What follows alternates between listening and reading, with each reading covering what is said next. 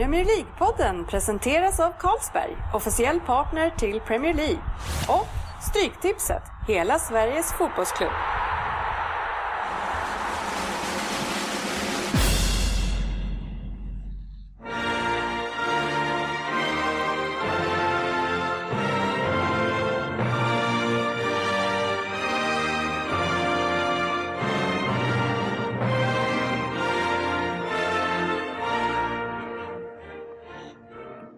Det här är Premier League-podden, fansens egen podcast om Premier League. Det här är agendan för vårt 78 avsnitt.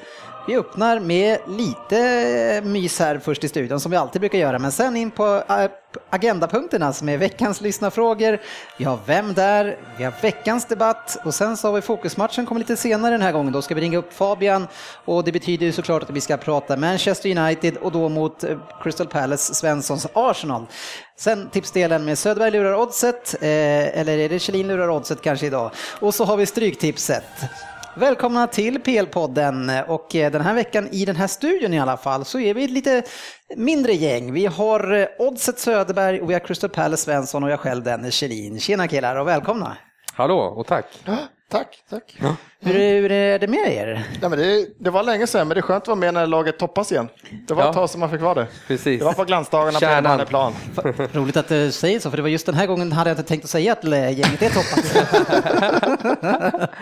ja. Ja, hur mår du Jörgen? Ja, det var bra. Det är, sommaren ligger i luften och det är härligt. Ja, härligt. Alltså om inte Dennis ställer frågan så vet jag att våra lyssnare kräver, hur går det på tvalfronten? Alltså det här är liten följetong i uppsnacket ja, här. Lite följetong. Ja, det går sakta men säkert eh, nerför, uppför, eller vad säger man? Ja, bättre. Det, blir bättre. Det, sakta men säkert. Det blir bättre. Utan att du ens har fått den här diagnosen så Nej, kan, du, alltså kan det... du fastställa att det blir, det blir bättre. Kroppen, den här följetongen är ju oändlig alltså, men kroppen stöter ju ifrån det här mer och mer. Liksom, så. Ja, det som du tror att du har ja. också. Ja, ja. Ja. Soft, ja, det bra.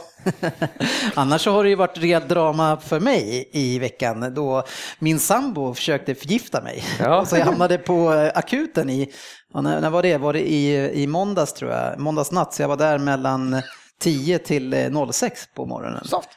Ja. Och då fick du sitta och vänta först eller? Till 06 och sen fick du säga att det är ingenting så fick du gå hem. Ja men nästan så. Alltså, akuten är ju bara akut eh, tills de har fastställt hur akut det är. Och är du inte akut och de tycker att det här ser bra ut, ja men då är du lika prioriterad som att städa skrivbordet innan ja. du går hem. Det är halva grejen med akuten. De bara, vi ger den en timme till och står han fortfarande upp, du ger väl en timme till. Han står upp, vänta en timme till. Han verkar lugn. Liksom. Ja, men det är, ja, en lång historia kort så eh, min, vi hade en iPhone-laddare på diskbänken och så den hade legat i vatten och, och, och det här kanske inte var den här äkta iPhone-laddaren utan det var en annan. Så när, när den har legat ett tag så har den blivit liksom oxiderats eller vad det nu kan heta. Den blir blå, det blir så blått skum överallt. Och så hade hon torsk liggandes också i närheten av den här på diskbänken. Eh, och det hon sa så i efterhand då, det var att hon hade sett lite prickar tyckte hon, och även på torsken, men det hade hon tagit och, och tvättat av bara lite sådär. Och sen ändå stekt på det där och serverat det eh, till mig och jag åt ju nästan allt det där, för jag käkade lite mindre kolhydrater och tog skitmycket fisk.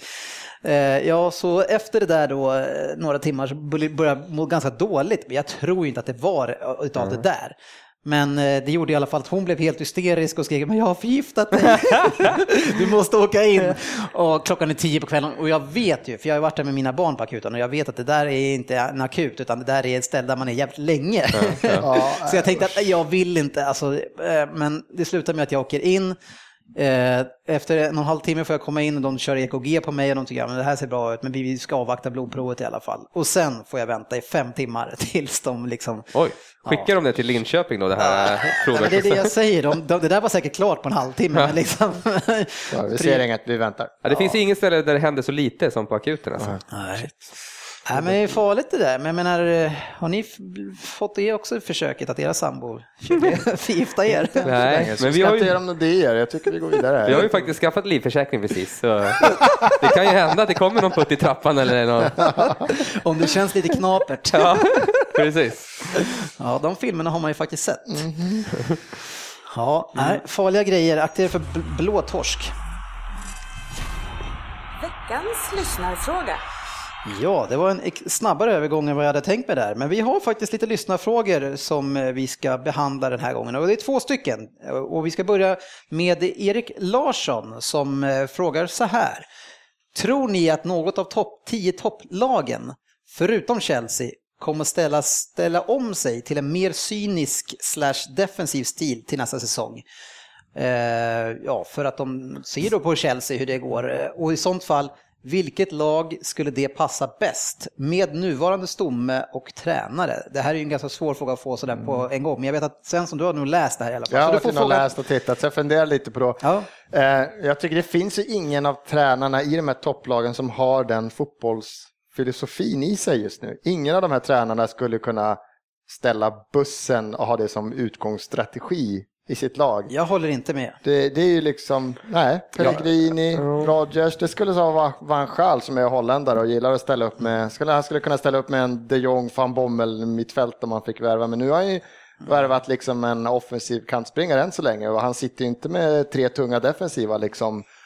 Så att, jag vet inte vem av, vem av dem där är just topplagen som skulle kunna göra det faktiskt. Nej, to- alltså om man säger som eh, holländare, de är ju väldigt vana med att spela offensivt. De måste väl spela 4-3-3 när man är där. Det är väl det enda de gör. Alltså, ja, fast inte i landslaget? Inte i landslaget, inte fan Där hade du ju VM nu, de för fan ställde ju upp i en planhalva och kontrade varenda ja. Ja, match. det gjorde de ju verkligen. Eh, Men alltså van tycker jag redan nu kör lite alltså, defensivt. Mm. Eh, han har ju liksom att tillgå ganska många, det är Maria och de här, och de Mm. får sitta, Janusaj, inga sådana där, eh, och ju- kolla på Ashley Young då som inte får röra sig framåt så mycket alls, ja lite men alltså, han har ju skolats om lite.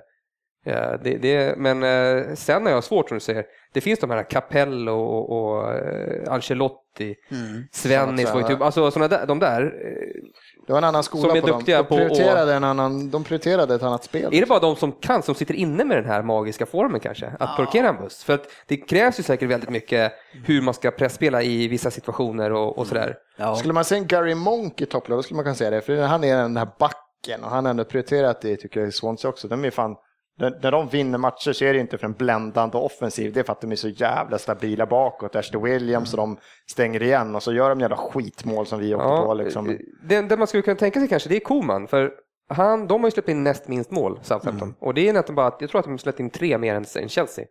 Och det är ganska bra för ett lag som slutar sjua, sexa eller något sånt. Och, eh, men ändå spelar de ganska off, alltså de ställer om ganska bra. Ja, de har släppt in, släppt in lika många mål som Chelsea. Ja. Ja, de har varit, de var väldigt Kan, kan jag ha någonting med att göra att Chelsea torskar med 3-0 mot Men? Jo, det var ju precis, det var innan det. men, jag, men jag tror faktiskt att, eh, tvärtom mot vad du säger, jag tror Brendan Rodgers skulle kunna vara en sån här tränare. För det får man får titta på, det är hur pass eh, principfasta är de här tränarna med sin egen spelstil. Och en, spe, en tränare som har förändrat ganska mycket med sitt sätt att spela och förändra utifrån vilka man ska möta, vilka spelare man har att tillgå, så är ju ändå det Brendan Rodgers som har, han har varierat lite grann med tre backar, han har haft fem backar och liksom haft lite olika, sen så i och för sig så kritiserar vi han i höstas för att han inte ändrade när han hade Balotelli där och ville ändå spela det här snabba spelet. Eh, Men, men jag tror, och han är ju också en gammal försvarare. Ja, men, alltså, men ja, det, det tror jag inte som du säger. För att tittar du på vilka de har som defensiv mittfältare, de har så här eh, Lucas. små jävlar. De har ju liksom ingen Lucas, riktig Allen, dammsugare. det är de där, det är Allen, killar. ja. Och sen Och har in- de Moreno på vänsterbacken som är liksom jättedålig Och defensivt. inte ens Han Rodgers i Swansea han var där prioriterade liksom, det var det, var det här snabba spelet, han, snabba han omställningarna. kan säkert göra det, men Ja, han ja. har inte folk för det nu. Nej, det var nog ja, det där, där jag var också. Jag funderar, när du säger som är Allen och de där, de är ju inte, de måste ha Men- några tunga pjäserna. Men det är om man ser framåt sett till nästa säsong, för att säga att de tappar de som det ryktas om att de ska tappa och de kommer där de kommer. De kommer inte kunna värva in. De står inte, Benzema står inte på kö och väntar på att Rodgers ska ringa honom och Higuain och de här killarna som kanske hänger löst på forwardsplatsen. De kommer inte titta på Liverpool. De kommer inte kunna värva de spelarna, vilket kommer göra att han kanske måste tänka om med sitt spel för att han kan sitta med en trupp som inte kommer kunna komma högt upp med ett offensivt spel nästa år tror jag. Ja, kanske. Och jag, det- det jag tror att han är, han är en intelligent tränare som, som kan skapa det. Men, men han visade å andra sidan inte det i höstas när han hade då Balotelli och det gick otroligt knackigt. Och han vägrade att förändra. Behovet, behovet fanns av att spela ett annat spel, det gjorde han inte då. Så att Ja. kliva in till en ny säsong nästa år och sen helt ställt om och spela någon fembacks med tre defensiva, det skulle inte funka på Anfield. Nej. Nej, Eh, en annan fråga som är ju väldigt aktuell här nu och det är Thomas Fremlén som frågar det. Varför är spelarna så små, svårmotiverade i slutet på säsongen? Fansen vill ju alltid att laget ska vinna såklart varje match och skillnaden mellan 12 och 9 plats borde spela roll för vinnarskallarna.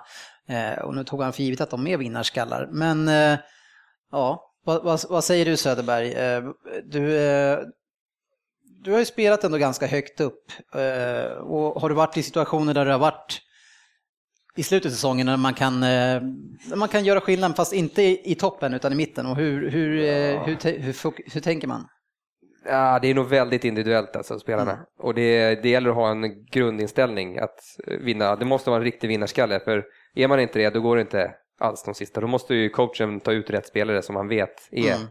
Eh, jag är inte en sån kan jag säga. Jag kan säga, fan, ja. Men så kan du tänka omgång eh, två. Och sen är det säkert, vissa kanske har, liksom, de har en bonus i sitt. Liksom. Kommer du på den här platsen så mm. får du, det vet inte jag hur det, hur det ser ut, men och målbonus och assistbonus och allt sånt där vad det finns. Ja. Placeringsbonus. Så det borde ju sporra många. Om, mm. om de inte har det så borde de ju införa det då i så fall om de vill komma högre upp. Ja, det är väl den här romantiska synen, i, det går inte att ha den så mycket längre. Alltså det är, men det är som jag brukar prata om Stoke, de som inte har chansen kanske egentligen att vinna någonting, i alla fall inte i Premier League. Men de, det är ett sånt här lag som jag, som jag ändå tror på, sån här, för det är deras säsong. Mm. De spelar för matchen. Eh, ja, de spelar ju alltid för plats 8 till 12. Ja, men... Då måste man vilja vara bättre än ja. förra året, men det känns som när det är så fyra omgångar kvar, då är det helt jävla omöjligt.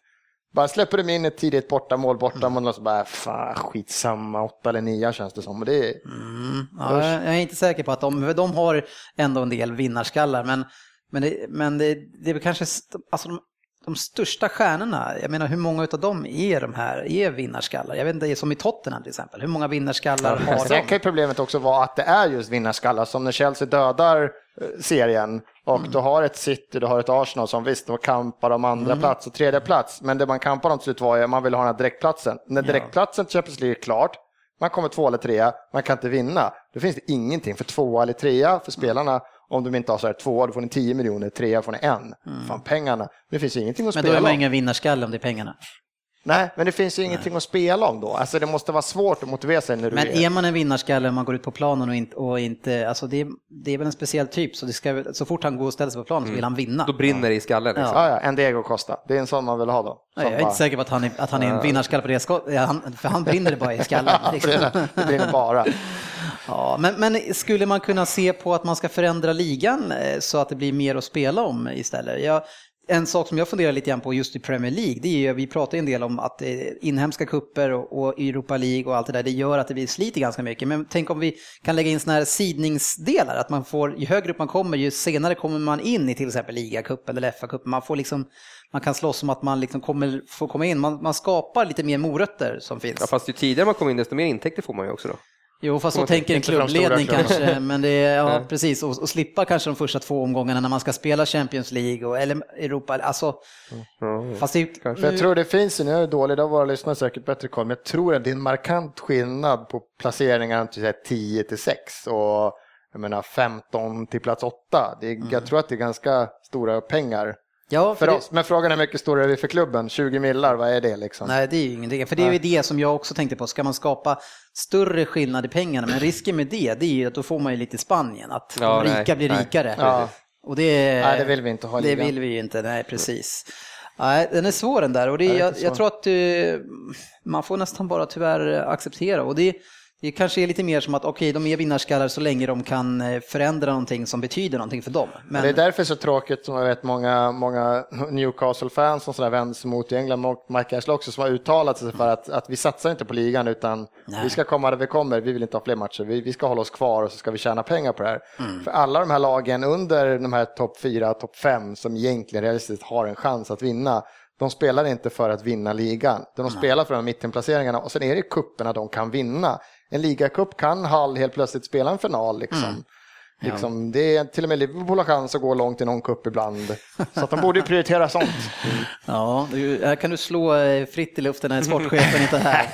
Vi ska ju faktiskt ringa upp sportchefen, men det ska vi göra i ett senare läge. Eh, vi ska faktiskt kliva över nu till eh, något som är väldigt spännande, men det är ju Söderberg, vi ska kliva in i Vem där? Oj. Och här har ju du halkat efter lite grann, så mm. vi har, det här är tredje sista avsnittet för den här säsongen och du ligger på 3,08 nu och Andy han ligger på 3,62. Så den här, det här avsnittet får du inte nolla, du måste ta en bra poäng alltså. ja.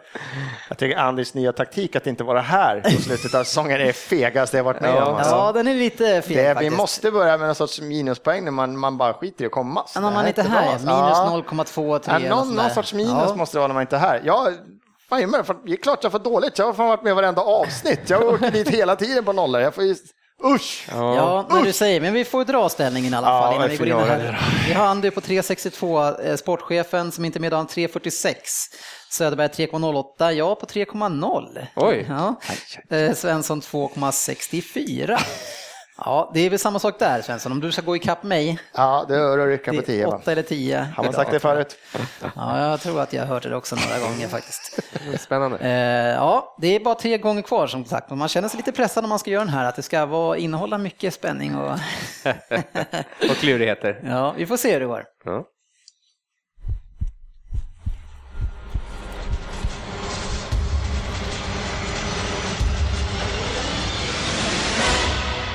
Vem där? God afton PL-podden och ni andra lyssnare såklart. Att man ska behöva vänta till andra säsongen och tredje sista Vem där? Ja, det gör ju lite besviken måste jag säga. Men eftersom jag är från Cork, ja då får man väl ta Cork upp en flaska. Eh, det är inte så att man är typen direkt som ser en mysig romantisk komedi med Julia Roberts och Richard Gere. Även om man kan hitta kopplingar till mig där. Min familj är ren arbetarklass. Så man har ju fått en rejäl uppfostran och blivit en riktig man. Till skillnad från Söderberg som tror att han har far så fort det kommer lite pollen. Mina favoritklubbar som ung det var Celtic och Tottenham med Liam Brady och Glenn Hoddle som favoriter.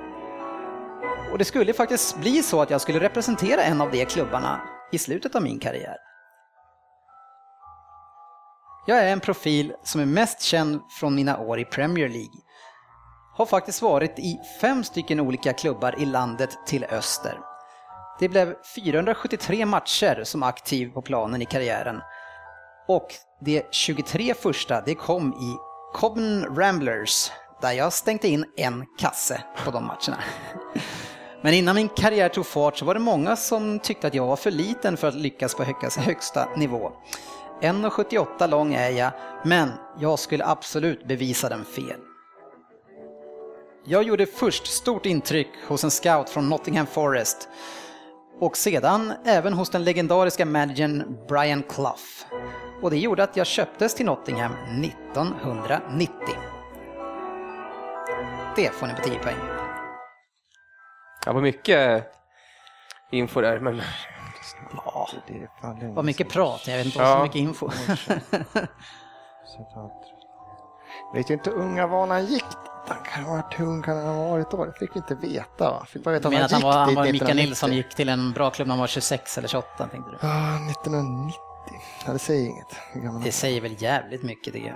Han kan ha varit 15, han kan ha varit 20, 5, 22. Det är sju års skillnad. Ja, okej då.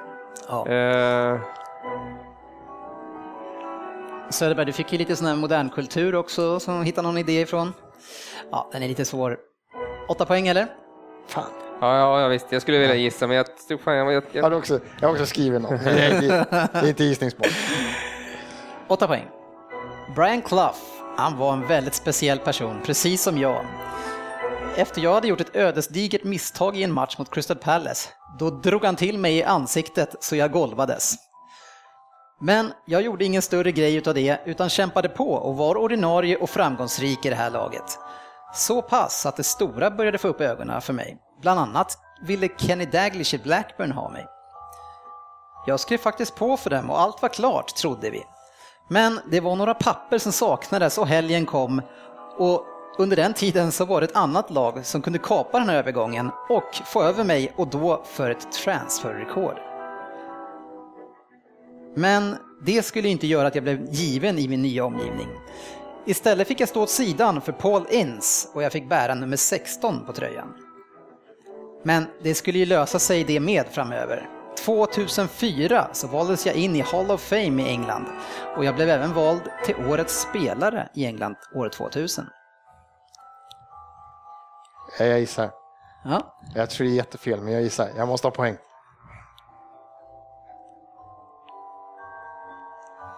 Ja. Vi går på sex poäng då Söderberg. Jag jättefel. Nej, skitsamma. Åtta poäng. Ja! Ja. Jag är nöjd. Skulle det kunna finnas en enda chans att du kan vara tyst resten av den Okej, där? jag ska försöka. Resten av hela programmet. Ja. Nej, så tur har vi inte. Sex poäng. Jag gjorde 67 landskamper för mitt Irland och nio mål. Men suget stoppade ju inte där för att 2013, sedan 2013 ska jag säga, så är jag även assisterande tränare för landslaget.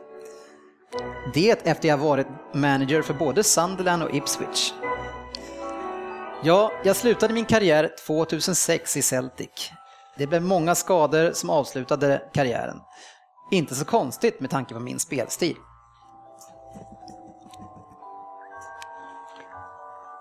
Ja, Säger jag och tittar nu bara på Söderberg.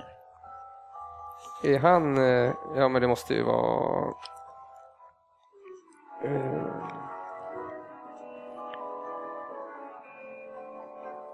eh, Ja, för spänningens skull. i- Ja, jag måste gissa på sex. Ja, tänker du skriva också då eller?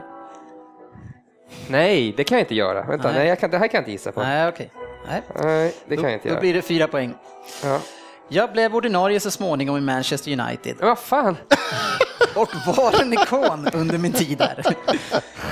Jag stod för hårt arbete och en helvetes inställning. Alla minns väl mina drabbningar med Viera. Ja, ja, nu gissar jag såklart. Men det var det jag hade gissat på förra också. Men Ja, jag tyckte du sa att han spelade i flera Premier League-klubbar. Ja. När Cantona försvann tog jag över kaptensbinden. Livet lekte, precis som för Richard Gere och Julia Roberts i filmen där Roy Orbison sjunger ledmotivet. Jag vann sju stycken Premier League-titlar, fyra stycken FA-cuper och Champions League och jag var med i årets lag fem gånger. 2004 blev jag också årets person från Cork och då blev det att korka upp igen. Vem är jag? Per på, vad fick du, åtta poäng? Roy Keane! Ja, Roy Keane. Fan, jag skrev det på 10 till och med. Men du lurar mig. Det är något helvete Ja, med de här man- fem jag- klubbarna. man var inne på din Nu irländare. får du förklara dig själv. Nej, Jag kommer faktiskt inte ihåg det där själv. Det där kommer... Han har varit med i fem, han har varit i fem klubbar, jo men som tränare och som spelare. Ah, bastard. Ah, Det fan, jag på Sunderland, 10. Ipswich, eh, eh, Celtic, United och sen så, och Nottingham. Nottingham. Fan, jag hade det på 10. Jag skrev det på 10 och så var jag fem Eh, klubbar. Han har inte varit i Fyra poäng fick jag, fem skulle jag vilja ha. Jag, skrev det ju på sex och så, sen kom jag att tänka på det här med fem klubbar. Han, ja. Nej, det där är inte det där. Det där är en annan grej. Jaha. Ja, nej, det är surt alltså. Ja, det sa du även. Ja, men eh, ja, en åtta. Det, Ja, det är skönt att sluta när på den här. något- När Ja, hade du det åtta var- senast? Det vet vi inte. Nej, nu ska vi alldeles strax ta och ringa upp våran allas egen sportchef.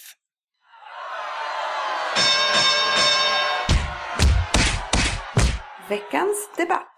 Vi säger tjena till eh, sportchefen. Vi har försökt ringa upp dig nu fyra gånger, men eh, hur mår du? Ja, jag mår bra. Jag mår bra. Det är, det är bra, men en intensiv vecka som sagt var. Ja, skam den som ger sig brukar man ju säga. Men, Ja, nu, men- men nu hör vi det i precis. alla fall. Ja, men vad härligt. Ja, och jag hörde från eh, Svensson här att du vet inte om varför vi ringer dig heller. Nej, han skrev bara att det var en, eh, i och med att ni saknar mig så mycket och kan inte vara utan sportchefen i ett avsnitt eh, en vecka så måste ni ju åtminstone ringa upp och störa hela den här, eh, den här veckans produktion av bak och mat som ska göras. Men jag tycker att det är modigt av dig att du ställer upp, för du måste ju anta att det är någon jävelskap på gång. Ja, men det är det ju alltid när du håller i kritan, så det, så det, behöver man inte, det behöver man inte vara orolig över. Nej, jag tycker inte att det är det faktiskt, men vi vill ha med dig för din åsikt är ju väldigt re- relevant och jag tror att du har förstått ämnet. Eh, Du har alltså fått kliva in i veckans debatt. Eh, och så här är det. En av årets följetonger är Raheem Sterling och hans vara eller inte vara i framtiden i Liverpool. Eh, och nu som det verkar, eh, vi har inte sett det här svart på vitt, så låter det som att han har eh, antingen gjort eller ska göra en transferbegäran för att få lämna din klubb Liverpool. Eh, jag är inte fortfarande helt säker på om Liverpool kommer att bry sig om det här eftersom han har ju två år kvar på kontraktet. Men som ägare till klubben så kan det här skilja kanske 200 miljoner i runda slängen på säljan den här sommaren då istället för nästa. Så nu, in, efter det här introt, så veckans debattfråga är Gör Sterling rätt som begär att få lämna Liverpool? Svensson? Nej. Söderberg, Nej. Lundqvist, Idiot. jag eller Sterling? Nej, Sterling. ja, och jag säger faktiskt nej. Så det här Ja, blir, det, det här blir en konstig debatt det det blir en konstig debatt, Ja. eh, men, men vi får ha en diskussion kring Ja. det helt enkelt då. Vi börjar med dig, sportchefen. Hur känner du? Nej, men jag, jag känner... eh, jag Mycket tycker- kärlek till honom då tydligen. Ja, men precis. Jag känner för det första att det är jävligt tråkigt att vi återigen i Liverpool hamnar i en eh, Suarez Gate 2, eller vad ska man säga. Ja. Eh, där en spelare eh, ska försöka tvinga sig bort och anta det som det ser ut. Nu, nu läste jag senast idag att hans agent säger att det är storm i ett vattenglas. Det enda de har gjort är att de ska ha ett möte med Liverpool på fredag. Så att vi lugnar oss för lite då. Så jag säger väl lite som du, att det är väl inte helt klart, men det, det lutar väl helt klart åt att det blir en transfer önskan ifrån Liverpool. Eh, Jag tycker det är skittråkigt att snorungar som eh, gör en, en bra säsong och blir utvalda till diverse utmärkelser helt plötsligt får storhetsvansinne och vill tvinga sig från en klubb och tacka nej till en miljon pund i veckan. Det är väl min första, min första kommentar. Ja. Det var en bra lön annars, en miljon pund i veckan. Vi har ju en person som brukar ha ett och annat att säga om snorungar, Söderberg. Vad säger du? Ja, nej, jag har några punkter så här lite varför han inte borde lämna. Alltså han är 20 år, han får 90 minuter varenda match. Eh, han har en klubb som tror på honom, han har managers som tror på honom. Han har en chans egentligen att bli en Liverpool-ikon också. Han har varit där sedan han var 15 va? Mm, nej, 16. Ja, något sånt. Eh, eh, Men, och jag tror att går han från Liverpool, då kan det bara bli fel. Kan, han kan, alltså, går han till en storklubb, för det är en storklubb som han kommer gå till om han går. Eh, och jag tror inte han är en storklubbsspelare. Han ska vara i, ja, alltså Liverpool är en ganska stor klubb också, men, men han ska, han, nej. Det kan bara bli fel om han går. Ja, så här är det. Eh, ingen debatt utan att jag ska berätta hur det är. Eh, Jag tycker att mycket av skulden till det här som har hänt och det här scenariot, det ska ligga på Liverpool.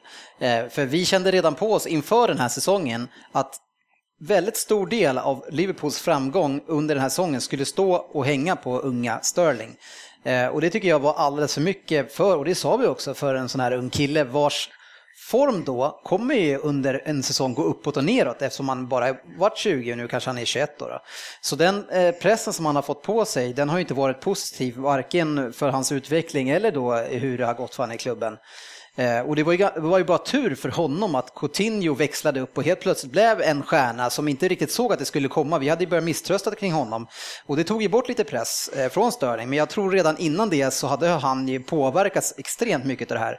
Så det, det, det som borde ha skett, det var ju att man skulle ha värvat en självklar stjärna i somras redan, då man var också i Champions League och hade bra förutsättning för att göra det. Och då kunde axla Gerards roll från året innan som inte han, det kanske är så att man hade hoppats mer på att Gerard kunde liksom köra ett år till. Men det gick ju inte och Henderson vet vi ju att han har ju inte varit riktigt personen för att lösa det. Eh, men frågan var ju i det här fallet då, gör han rätt som vill lämna? Och det är nej. Och jag tycker, precis som du säger eh, Jörgen, att det är för tidigt för honom.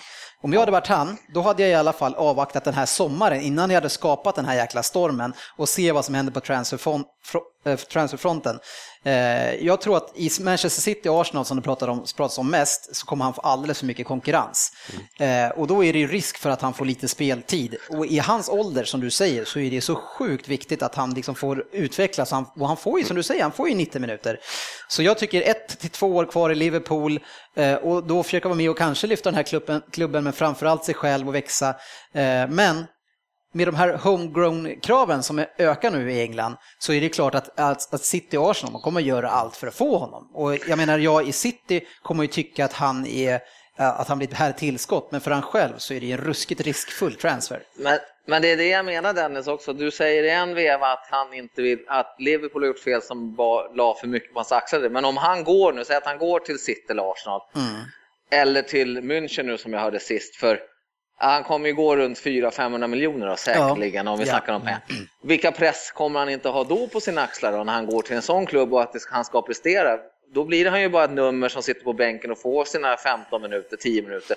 Och då kommer det inte hända. Så att han måste ju ändå veta om var han än går nu så kommer ju pressen att finnas där. Varför inte axla den in hemmamiljö där han trivs och har kunnat prestera tidigare. Ja, fast jag tror inte riktigt att det är på det sättet. Om du nu pratar om klubbar som City, Arsenal och, Bayern München så är det redan personer där som tjänar mycket pengar och har kommit för mycket pengar som är större stjärnor än, dem. Så han kommer inte få bära ensam det här stora kravet som har legat på honom.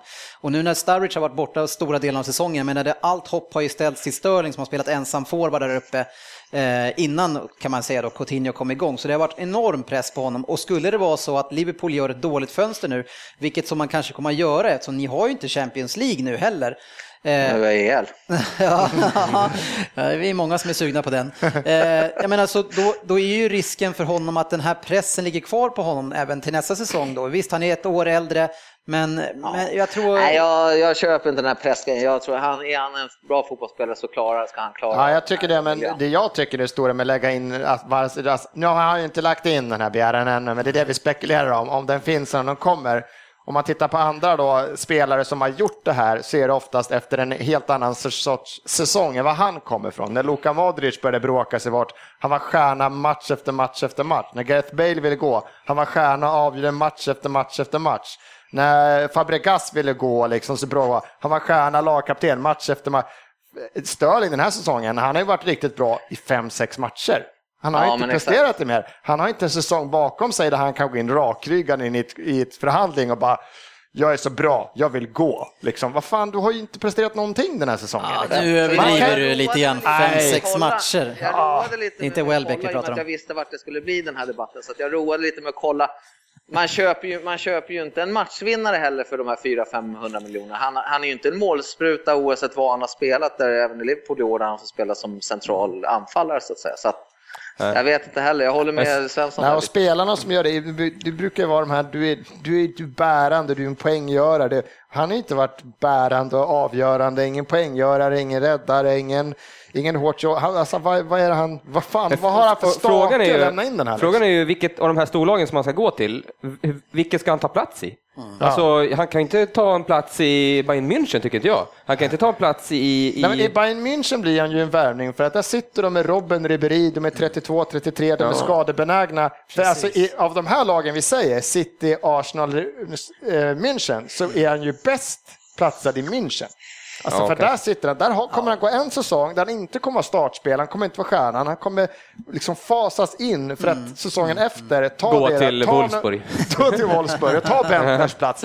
Nej men då får han sjuan och han kan ta över från en Ribéry och det är då han ska växla ut. Jag ser ingen framtid i den Nej, men jag, jag, tror, jag tror att han hade haft en hyfsad chans i, i United också, men, eller i City också, men i Arsenal, där, där växer ju de här spelarna på trä. Liksom. Där blir det ju rotationssystem Ja, det, det enda är det om vi tyvärr måste tacka adjö till Walcott nu. Som, jag, jag, tror han har gjort den här knäskadan som vissa spelare gör när man lever på speeden. Sen får den här knäskadan och så kommer du tillbaka med, ja du är 5% slöare. Då har inte han någonting kvar egentligen. För han har levt på speeden. Så rakt byte där, ni kan få honom. Ja. Ja, jag, jag, tror ju att, eh, eller, eller vi säger så här, jag ska inte tro någonting, men om vi skickar det här till dig. Om det nu är så att en spelare går till Rodgers, eh, i det här fallet Sterling, och lämnar in transferbegäran, han vill inte vara kvar. Hur tror du Rodgers kommer att reagera? Nej, men jag, då hoppas jag att Rodgers eh, eh släpper honom och, och men säger att vi ska ha den här summan för det i sådana fall, att Liverpool får vara bra. För jag, men, det är så säger jag alltid när det gäller Liverpool i alla fall. Vill man inte spela i Liverpool, då ska man inte behöva mm. göra det. Och då, då kan man lika bra gå. För jag, men jag vill inte ha en spelare som, som han har sett ut under våren när det här tjafset börjar, så är det en katastrof.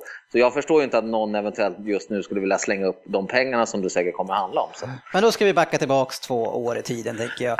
Och, och, och en, en, annan kille som gjorde ett ganska bra år för, eh, förra året för er eh, och gjorde ungefär 31 baljer.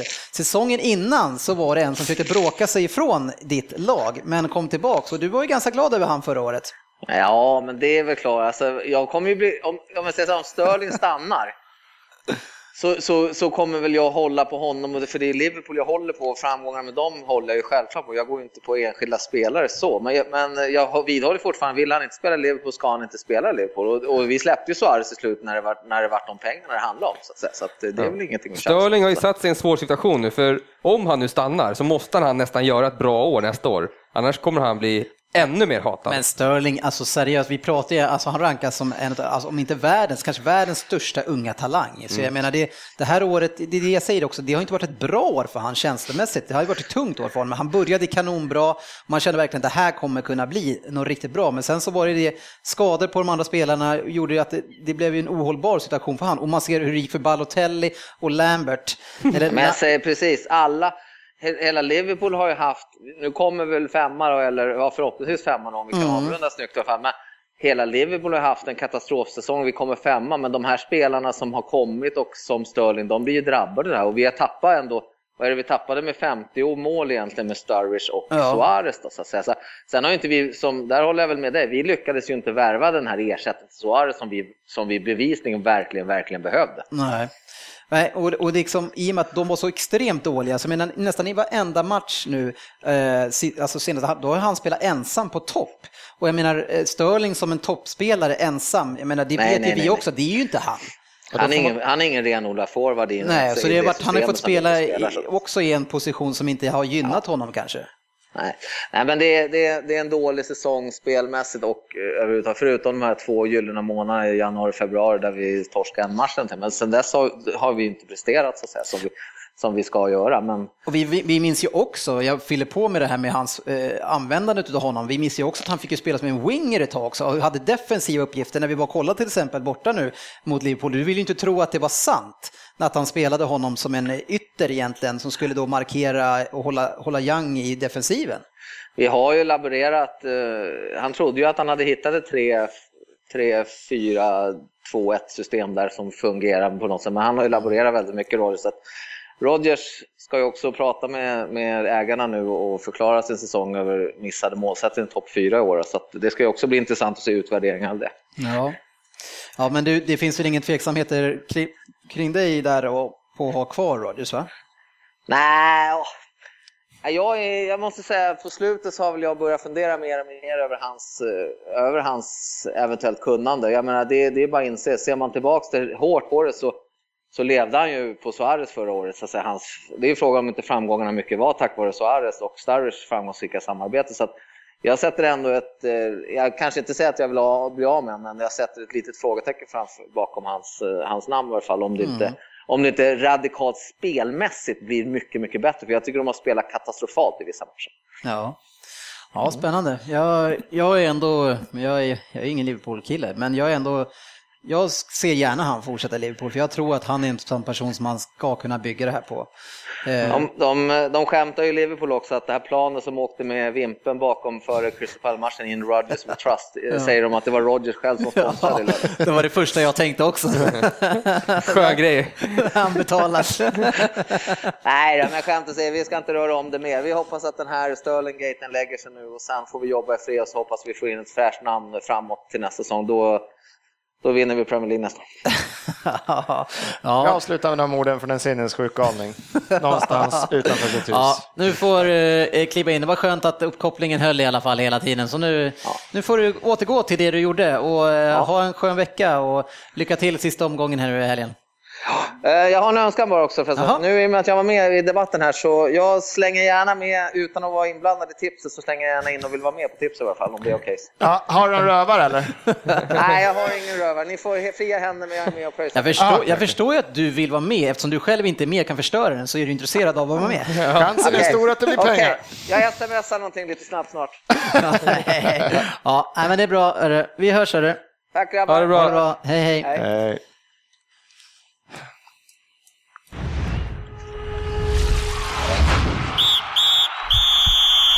Veckans fokusmatch. Ja, vi hade en fokusmatch från i helgen och det var inte vilken match som helst utan det var stormötet, det klassiska mötet mellan Manchester United och Arsenal. Och därför har vi då såklart ringt upp vår egen Fabian. Hej Fabian! Tjena grabbar, tjena. Hallå! Tjena. Hur mår du? Det är bara bra. Det Ja. är säkrad Champions League-plats och eh, så det är gott. Ja men grattis hörru! Eh, Låt mig rätta dig, kvalet till Champions League-plats. Fa- Van Schaal sa det igår faktiskt, vi ska inte hurra allt för mycket än, men eh, det känns... Låt mig vara glad för tillfället. Ja, med tanke på hur det såg ut förra året och hur det såg ut eh, i början och hur lite, alltså, alltså hur trögt det har sett ut, så är det ju ändå ett fantastiskt, eh, en fantastisk framgång tycker jag.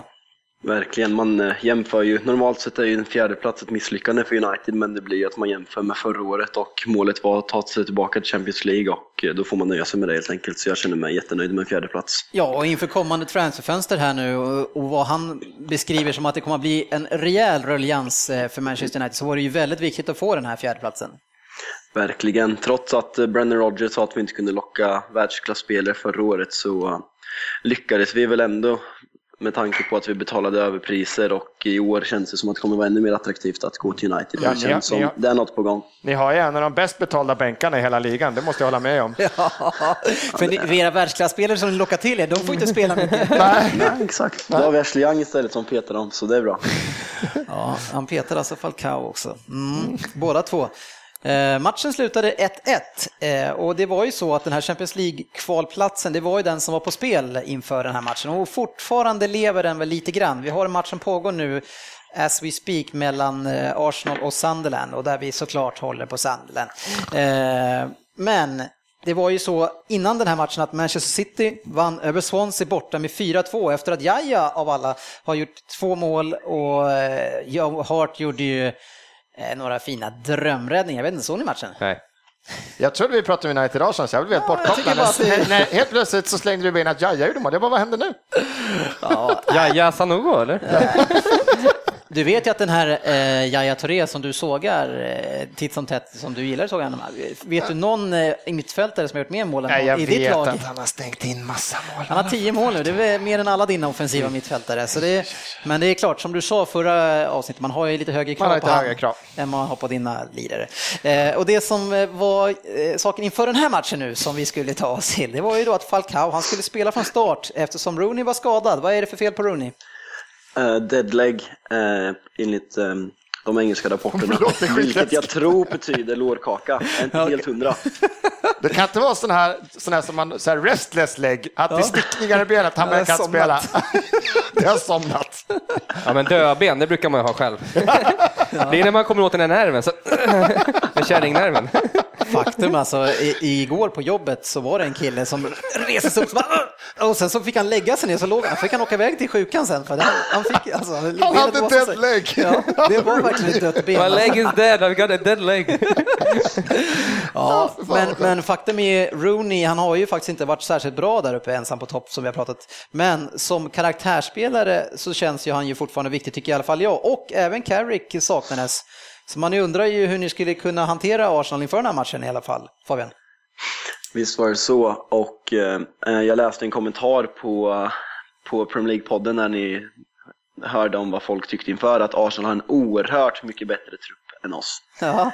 Och eh, det var väl lite skrattretande egentligen. Men eh, det är klart att man gick in med, till matchen med lite sämre självförtroende än vad jag brukar göra när vi möter Arsenal. För Arsenal hemma de senaste åren, bortsett från FA-cupen, har ju varit tre säkra poäng. Ja. Men man gick ändå in för, med att förhoppningsvis efter segern senast att vi skulle fått lite förnyat självförtroende efter de tre tidigare förlusterna. Så det var, det var med en öppen match, öppet sinne man gick in i matchen. Det kunde gå, gå hur som helst. Ja, jag funderar lite grann på hemma så här att, att vi ska utveckla programmet till nästa år, att jag ska skaffa mig en liten anläggning hemma. Så när jag sitter och tänker sådana här saker inför matchen, då ringer jag upp er och så kan vi... behöver Bocka av lite. Ja, men precis, kan vi lägga in det här. Så Ja. vi behöver inte prata, och så kan vi... Så, ja, hur trodde vi inför matchen? Ja, det var sådär. Ja, vi får fundera på det. Men Svensson, eh, vi vet ju att ni har svårt eh, borta mot United, men det är inte det jag tänker på. Eh, sjätte matchen i rad med samma lag hörde jag, första gången sedan 1994. Ja, det var förra matchen när vi hade fem matcher i rad med samma uppställning. Det var första gången på 20 år som vi hade startat det. Det låter ju helt, helt jävla Och nu sjukt. blev det 21 år då. Men det, var, det är helt sjukt egentligen om man tänker efter. Men har det, har det blivit någon effekt nu med den här skade, ny fysio-killen? Har, har ni Ja, lyckats få ordning på tog, det allting? tog liksom tio månader för honom, eller elva, med, elva månader någonting att jobba in det här för igång Ja, det. Men, bygga upp det som den andra Ja. hade satt igång. Ja, men det är klart det tar tid. Sånt. ja, det kan det vara. Nej, jag vet inte riktigt, men det, det har ju sett, det har, och det har vi sett också, det sett ut sen, egentligen sen någon gång runt jul här efter så har vi så har det sett stabilare ut. Vi har kunnat vi har haft en startat med en ryggrad, vi har kunnat startat med en centrallinje som har varit intakt och när vi har inte startat med dem så har det varit för att vila eller för att låta någon annan spela istället för att spela för att vi måste. Sätta in den här killen. Är det inte någon i det här gänget som brukar säga att det här med kontinuiteten är det som gör att man inte blir skadad? Jag vet inte om det är... Jag vet inte. Eh, matchen i alla fall så tycker jag att det är så att United börjar helt klart bäst och eh, fyller på väldigt bra med folk och lyckas pressa ner Arsenal och Fabian. Jag tycker att vi gör en fantastisk första halvlek om vi går till hela halvleken egentligen. Och eh, det är egentligen klasskillnad i första halvlek och ledningen vi får tycker jag absolut i minsta, minsta laget och vi har chanser att avgöra matchen. Som sagt, bra rörelse, rotation eller förflyttningar på spelare i den offensiva trion med Fellaini, Young och eh, vem har vi mer? Järnsläpp? Ander. Mata, Mata? Mata. Mata, exakt. Väldigt mycket förändringar, bra rörelse på mitten och framförallt Herrera. Och eh, det kändes verkligen att vi gick ut till matchen och var, vi var med på tårna än Arsenal. och Det syntes hela första halvlek egentligen. Jag tycker för när jag tittade, vi pratade för, så tänkte jag också, ni startade med Valencia och sen Rojo ute på vänsterbacken. Ni satt med blind där bak, då tänkte jag fan, den här, nu, nu, har vi, nu, nu ska vi kunna spela vårt spel, den här offensiva pressen, med att vinna de här andra bollarna. Det som, det som jag har fastnat mer och mer för ju mer man kollar här, att man tittar den här framför backlinjen och liksom bakom de offensiva. Och där trodde jag vi skulle ha övertaget. Vi har liksom haft Uh, vad jag anser mig, sen julas, det bästa, bäst fungerade med Coquelin och sen Cazorla. De har kompletterat varandra på ett sjukt bra sätt. Alltså vi, har, vi har verkligen haft sånt jävla övertag på mitten på det området. Men den här matchen, alltså Ander och Herrera och Blind kör ju över oss i första 45. Jag vet inte vad som händer. De får ett spel, ett kortpassningsspel och det som jag störde mig mest, jag kollade tillsammans med vår andra United-supporter här och Håkan Fröberg.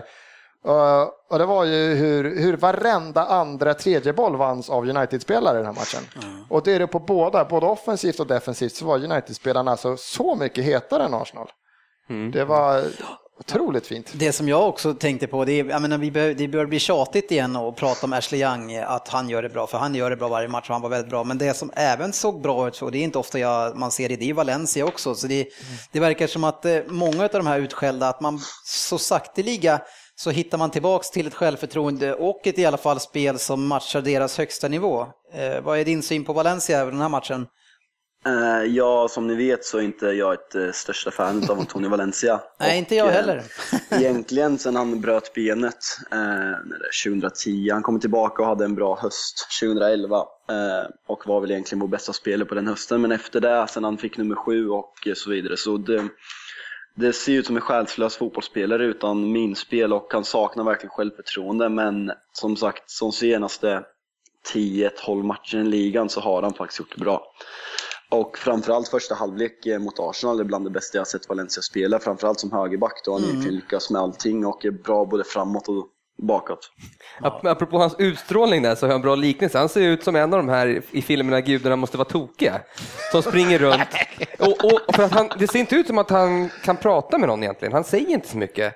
Han har samma minspel hela tiden och helt, ser ut som en... Han är aldrig glad, aldrig arg, aldrig ledsen, aldrig någonting. Han springer bara på sin kant där. Ja, ja, men han går verkligen till jobbet känns det som. Ja, ja, Jaha, ja, 67 000 idag igen på läktaren. Ja, ja. Skönt att gå på fest med han och Ivanovic.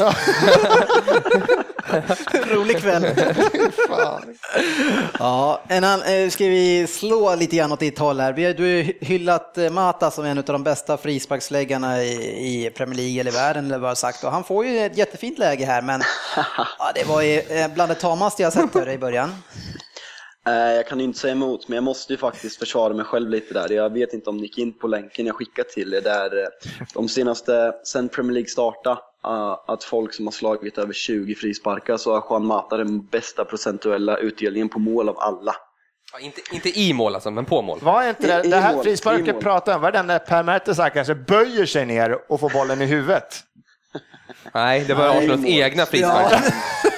Frisparken, Ja, vad, vad kul att du tar upp det på det sättet. Fasen också. jag måste försvara mina åsikter. Ja, ja. Ja, det du ska du göra. Sen behåller vi inte det Försöka. dig. Och, och när någon försöker motivera någonting med att skicka länkar, då kollar vi inte på det. eh, och Falcao då, som jag nämnde inledningsvis, då, jag tycker han börjar aktivt och sådär, men något som jag slogs av, det var att redan efter en kvart då, så ser han extremt andfådd och trött ut. Eh, Var det bara jag som tänkte på det?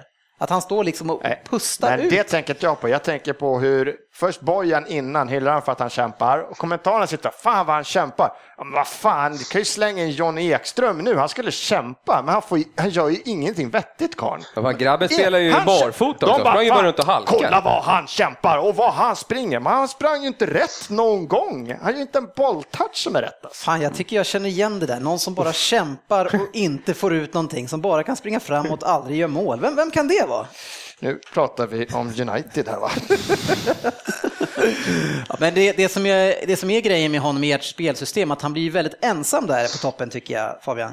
Jag tycker att sen vi bytte till det här spelsystemet som egentligen har funkat väldigt bra, att vem som än har spelat forward har varit väldigt isolerad och kommer till få chanser. Även Rooney, van Persie när han har spelat och även Falcao de här.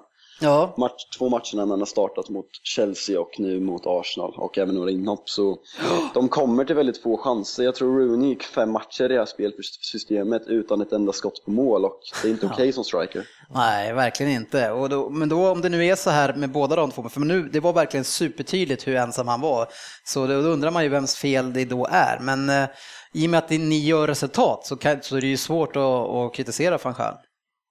Verkligen, för det här spelsystemet, är verk- om det är någon där främjat speciellt så är det väl, verkligen eh, Fellaini som har gjort fantastiskt när han egentligen spelar sin bästa roll som nummer 10.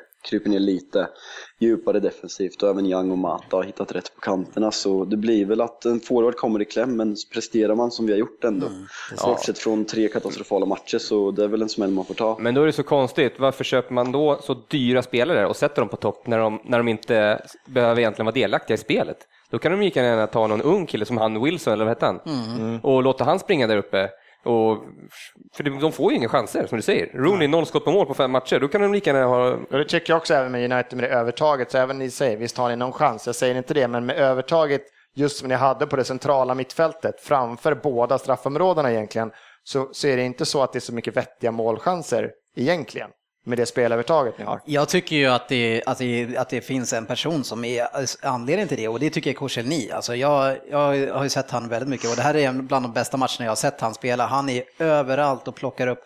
Och, och med det som jag tycker är konstigt med Falcao, alltså en, en forward som borde vara ganska intelligent, han har spelat länge allting. Varför i tusan söker han upp och spelar på högersidan vid Korselny hela tiden när han har Mertesacker vid sidan om sig? Det fattar jag inte. Ja, det här pratade jag och Håkan om också, för han hade inte heller sett hans storhet tyckte han, att jag har pratat så mycket att jag tycker han är så bra. Mm. Men, men under den här matchen, så här, när vi är tillbaka pressen, så är det Koscielny som gör glidtacklingar Ja, och löpningar han var och enorm, läser alltså. spelet och screenar perfekt många löpningar och stänger spelare hej vilt överallt. Så att han var... Han har varit lite oslipad förut. Han har, Ja, men han har ju dragit på så mycket frisparkar, det har varit straffar, Straffar och gula kort och röda kort i väldigt dumma lägen. Men alltså, han, ja, han var bra. han blir Ja, bara... riktigt bra. han Men, bättre men varför, varför söker Falcao, som är en liten kille och snabb, varför spelar han mot Korselny?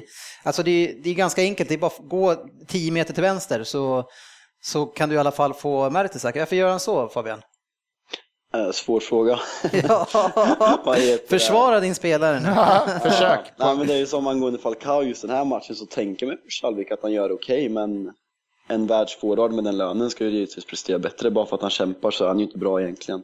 Nej. Och han har några goda intentioner men Mm. som sagt Koscielny gör en riktigt bra match och är den som håller upp Arsenal och räddar Arsenal i första Ja. halvlek. Ja, det jag stör mig på i första, första halvlek, om man uh, slutar prata om det hemska United och går över till Arsenal istället, så är det att jag tycker att, eh, återigen till Coquelin och Casola som har funkat så bra, så i den här matchen tycker jag att Casola ser, han ser trött ut efter tio minuter.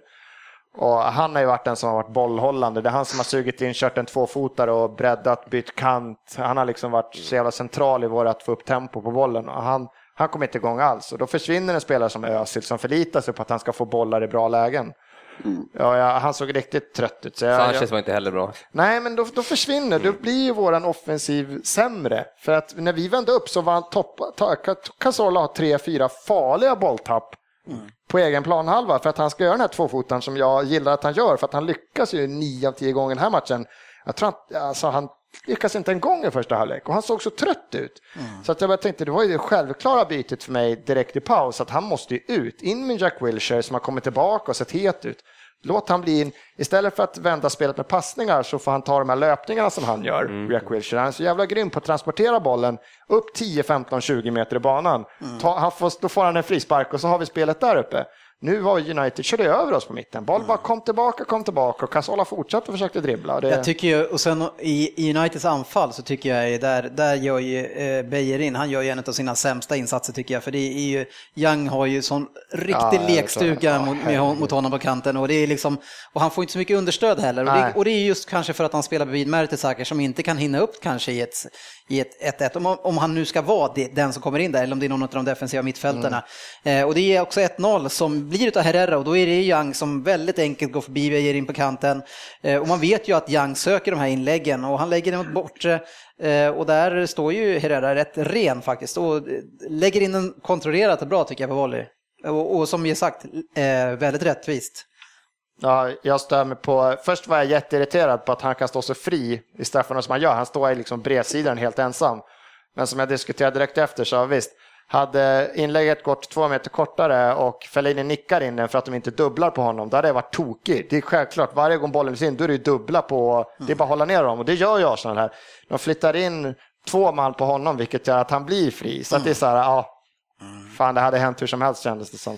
Och det var ju nära också 2-0 innan eh, på en frispark, men det är alltså Smalling som räddar eh, Arsenal. eh, Och det är blind, för Blind skjuter ju och han knorrar den mot bortre, men det är Smalling står i vägen. Jag tror att den hade gått in Den hade Fabian. kunnat gått in. Det såg ut bakifrån som att den skulle gå in som sagt. Det känns inte som att Ospina hade hunnit upp den. Och en väldigt fin variant just där, så det var synd faktiskt. Det hade varit viktigt och förmodligen en annan matchbild i andra halvlek. Ja, men, men samtidigt som, som Svensson säger nu, man hade ju förväntat sig, för Arsenal var inte riktigt med, och att det skulle ske någon förändring där. Eh, nu kanske jag är väldigt kritisk mot Wenger som matchcoach, men man trodde ändå. Men det, jag tycker att det är samma visa i början på andra igen. Det känns otroligt handlingsförlamat för Arsenal. Och det, och det, det, det går ju inte att bortse från att man är borta och man spelar mot United och, och det, att det är någon låsning, alltså någon psykisk låsning. Så man, att man har så, att i de här väggarna, man har så mycket respekt på något sätt. Ja, hade du, hade du frågat mig för kanske tre, fyra år sedan när vi hade en lite större procent engelsmän i alla fall, då hade jag kanske köpt att fan nu ska vi dit igen. Men det jag saknar, som vi också satt och citerade under matchens gång, det är att jag saknar det som gjorde att Arsenal United var stora matcher. Det var att se Vera möta Keane. Man visste att här kommer det, det kan sluta 0-0, jag bryr mig inte för det här kommer bli en häftig match att titta på. Nu är det ingen intensitet och det är inte bara att det här är en match i omgång 8 eller omgång 14. Det här var match som avgjorde egentligen stor del vem som får direktplatsen till Champions League. Det gällde ganska mycket. Men det, i vissa stunder ser det ut som det är 22 Valencia som springer omkring. För det ser ut som ingen egentligen verkar bry sig på planen. Jag ser ingen intensitet. Jag ser ingen, jag hade nästan så här satt där och sa att fan släpp in Flamini och ge han, låt han steka någon bara för att det liksom så här ska hända något. Släng in någon dum jävel som gör det. För nu var det, det var liksom så intetsägande. Jag, det störde mig lite under hela matchen faktiskt. Jag försöker ju också kolla lite grann, vad är det som sker och varför Valencia och Young, alltså, men det, det som är väldigt tydligt är att varken Ramsey eller Sanchez, de hjälper inte till hemåt i Nej. kanterna och lämnar ju då stackars ytterbackarna där med väldigt eh, tuffa attacker. Eh, ja, man kan undra varför Wenger inte agerade tidigare. Och, och en annan spelare som vi har varit elaka mot, som hela, hela England verkar vara, f- först är det succé när han kommer tillbaka som skada, men nu är han ju så otroligt dålig och det är Giroud alltså. Otroligt osmidig och dålig igen. Eh, och, Ja, men det går ju så sakta och osmidigt. Han, han gör ju en grym jävla nedtagning där. Jag vet inte hur mycket när han tar emot den och vänder upp ska skjuta. Och sen är det som att han inte kan röra på sig.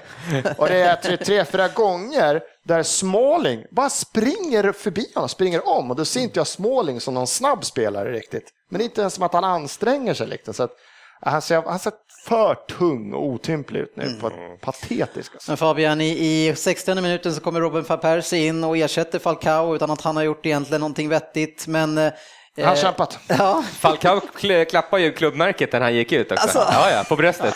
Så här, och så tackar han publiken. ja, han, ja men det var, vi Han såg det ut som hej då. Ja, det såg Han ut som hej då. Ja, det, det kände jag också. Det, det, det kändes lite som att Falcao, att han slog på klubbmärket, att han tackade fansen. För Ja. trots att Ja. han har egentligen varit oduglig och varit en av de största flopparna i Uniteds historia så har han ändå haft stödet hela säsongen och fansen har sjungit hans sång egentligen varje gång han har spelat. Så Ja. jag tror att det var en uppskattning och tack, Och han har tack väl för den inte säsongen gnällt. helt enkelt. Han har inte gnällt någonting Han, heller. han har bara Nej. gråtit. Han har gråtit, men han har inte gnällt. Han har skött det proffsigt, det är hans man Ja, som har skött uttalanden till Daily Express och det får man ta med en nypa salt. Så jag tycker all respekt för Falcao. Ja, i alla fall för den delen. Kanske inte, som, inte inte vad han har gjort på planen. fotbollsspelaren. Men eh, Robin van Persie då som ersätter honom, är det, tror du han är kvar efter den här säsongen? Eh, 50-50 som det känns nu. Eh, Som man har presterat de två senaste åren egentligen. Mm, Så är han inte United-material om vi ska utmana om titeln. Och framförallt inte som en startspelare, det är långsamt och han får ju en chans när bollen kommer snett bakåt. Och en, den van Persie som jag växte upp med i Arsenal och även 2012 i United ska sätta den bollen. 10 av 10 gånger men han är inte på hugget och det kommer fel till bollen. Och, Som sagt 50-50 som det känns just nu. Mm, det blir väl lite grann som för alla spelare som är på väg i, i, in i ålderdomshemmet att det blir Milan som, eh, som det blir nästa. Italien, ja, Italien. Eller. USA då. Ja. Milan eller Galatasaray. Ja, men precis. Milan eller Galatasaray, ja. Men jag tycker, alltså om vi, vi, vi stannar, alltså till i alla fall Arsenal gör 1-1 så är det första gången jag tycker United och hela United ser ut att fungera väldigt bra utan Carrick. Nej, men det är jag beredd att hålla med om. Det var ju som sagt, vi förlorade ju tre raka matcher där eh, utan Carrick och eh, vilka slog vi sist? Pallas va? Så eh, var vi inte allt för bra och ett oavgjort resultat hade ju absolut inte varit orättvist. Men första timmen mot Arsenal egentligen, om vi ska hårdra det, så som sagt så känns det som att Blint har kommit in i rollen och gör det bra. Och eh, Carricks frånvaro lyser inte som den har gjort tidigare. Men, men sen så är, förlåt, sen- men sen så är det, alltså det största mysteriet och det som gör att man börjar undra vad, alltså van Gaal, vad, om, man, om man är en bra tränare eller inte. För sen så kommer ett byte lite senare och så kommer Blacket in igen. Och vem är det han byter med? Det, det, där, eh, Det är Rojo. det, det där har vi pratat om tidigare, att van Gaal har ju sin filosofi där han, Rojo har ju varit skadad och han anser att en spelare som har varit skadad en viss period inte är redo att spela Men han får väl en 70 minuter. krampkänning. Han gör ju en brytning på om det är Ramsey va, eller någon som glider igenom. Det är en jävla genomfin, jag vet inte fan, så slår passningen och det gör de. det, det har ju varit samma tidigare, han har bytt ut Shaw som precis har kommit tillbaka från skada och varit en av våra bästa spelare mot Blacket sista 20. Och eh, jag hävdar ju att en Rojo på 70% är bättre än Tyler Blacket sista 20 mot Arsenal. Ja, men alltså en, en, en eh, tränare eller en coach som, som eh, byter ut en back när de har hållit nollan, liksom. Måste har gjort vara flera något. Man gånger. hoppas att det är något. Det måste ju Jo, vara jo men, men oavsett, alltså jag sätter ju hellre in Robin van Persie som ytterback än att sätta Mm. in Blacket där. Alltså det, man måste ha någon fingertoppskänsla, det blir problem varenda gång han de är har- på planen. För ni hade ju McNair på bänken Vi också. hade va? McNair på Ja. bänken och Jones har ju spelat vänsterback tidigare så det hade också känts som ett vettigare. Ja, jag tycker att det är otroligt misstag av tränaren, för han är ju inblandad i när det blir mål och han är, skapar ju så mycket osäkerhet med sitt dåliga backspel. Eh, Arsenal gör ju ett dubbelbyte till slut och eh, det är ju Wilshire och Walcott som kommer in och sen så tycker jag att den här matchen börjar förändras. Men ä- även om det är liksom lite grann från ingenstans, det blir 1-1 eh, och det är Walcott som får en jättefin cross och utmanar då såklart den här usle Blacket och skjuter sen och Blacket eh, råkar då få bollen på sig och sen så styrs bollen förbi Victor Valdes som har kommit in i målet. Eh, och, eh, ja, det, hur kände du det där? Lite snöpligt eller? Väldigt snöpligt. Eh, Blackett kom ju fel in direkt och han upphäver offsiden till crossen på Walcott. Ja, med tre meter säkert. Så det är ju dubbel olycka. Man vill inte gå för hårt mot de unga killarna som kommer igenom egna ledet och är från Manchester men Ja. det är svårt att eh, ha någon annan syndabock just i kvitteringen. Nej, det tycker jag inte. Det är ju fan Gaal. Jag menar, jag har ju sett vad den här killen, och han kanske är ett löfte för framtiden, men det går som det går just nu för honom. Låna ut han till någon av de sämre klubbarna, låt han växa. Stoppa inte in han när det är 20 minuter kvar när han har varit dålig mot Arsenal i en sån här viktig match. Alltså, Nej, ju- det är taskigt, Det är ju Van Gaals fel, det är Ja, inte det är- Blackets det är- fel. det är Jag älskar också att Valdes har släppt in ett mål utan att ha fått ett enda skott på sig. Det är sjukt bra stats för honom. En bra, en bra start.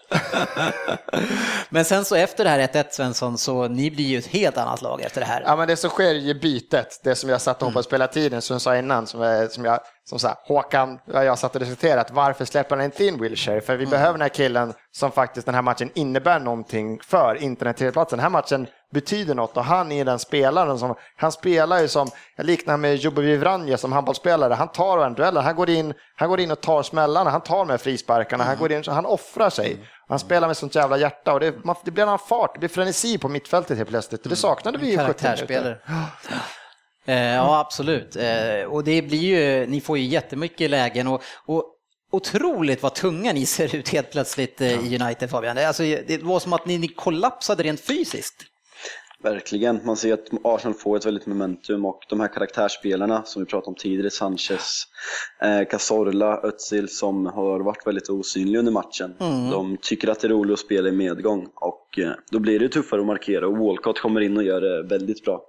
Och hade förmodligen be- behövts redan i paus men att, vi, att vi bryter ihop som vi gör efter målet, det, det är icke försvarsbart. Och Nej jag tycker kortfattat att vi inte kommer högre den här säsongen beror givetvis på den värdelösa starten men att vi inte lyckas stödja de här matcherna för det är det som skiljer Chelsea mot oss. För Chelsea hade aldrig tappat den här 1-0-ledningen mot ett så dåligt Arsenal som det ändå var i söndags. Mm.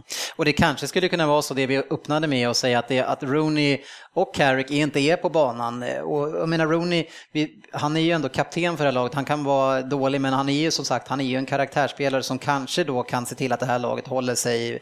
Alltså, och även när man har fått baklängesmålet så kanske han är en sån spelare som ser till att, rycka tag i de andra. Verkligen. Jag personligen har ju lite svårt för Rooney efter lite historia. Men karaktärsspelare är ju som sagt en av få vi har kvar. Vi har tappat så oerhört många de senaste åren. I, framförallt Vidic, Rio, Ebra där bak och då är Rooney en oerhört viktig pjäs. Även Fletcher, även om han inte spelar så mycket, är en stor karaktärsspelare som vi också har förlorat. Så det är väldigt mycket rutin på få år. Och då behöver man sådana spelare som Rooney och Carrick på plan. Mm. Ja, matchen slutar ju 1-1. Eh, Vi måste ju bara avsluta med, eh, Giroud får ju en fin chans eh, som han inte ut, men det är Blackett som, som slår en egen spelare i huvudet så han, den här chansen dyker upp. Han kan inte vara nöjd när han kommer hem, eh, stackars Blacket. Nej du. Inga mer kommentarer på den. Alltså. kommentarer på den. Du, du, tystnaden får tala sitt tydliga. Ja, men i alla fall, jag, jag tror att eh, som sagt, du är nog väldigt nöjd med en fjärde plats efter den här säsongen. Eh, det, det tråkigaste med det, det är om, att om det inte blir så, är det att vi, vi får inte se eh, Arsenal göra sin TV-pucks hög när de får den här kvalplatsen. och nu är, jag, faktum är att eh, Arsenal har ju fortfarande en chans på City och slåss ju med andra platsen.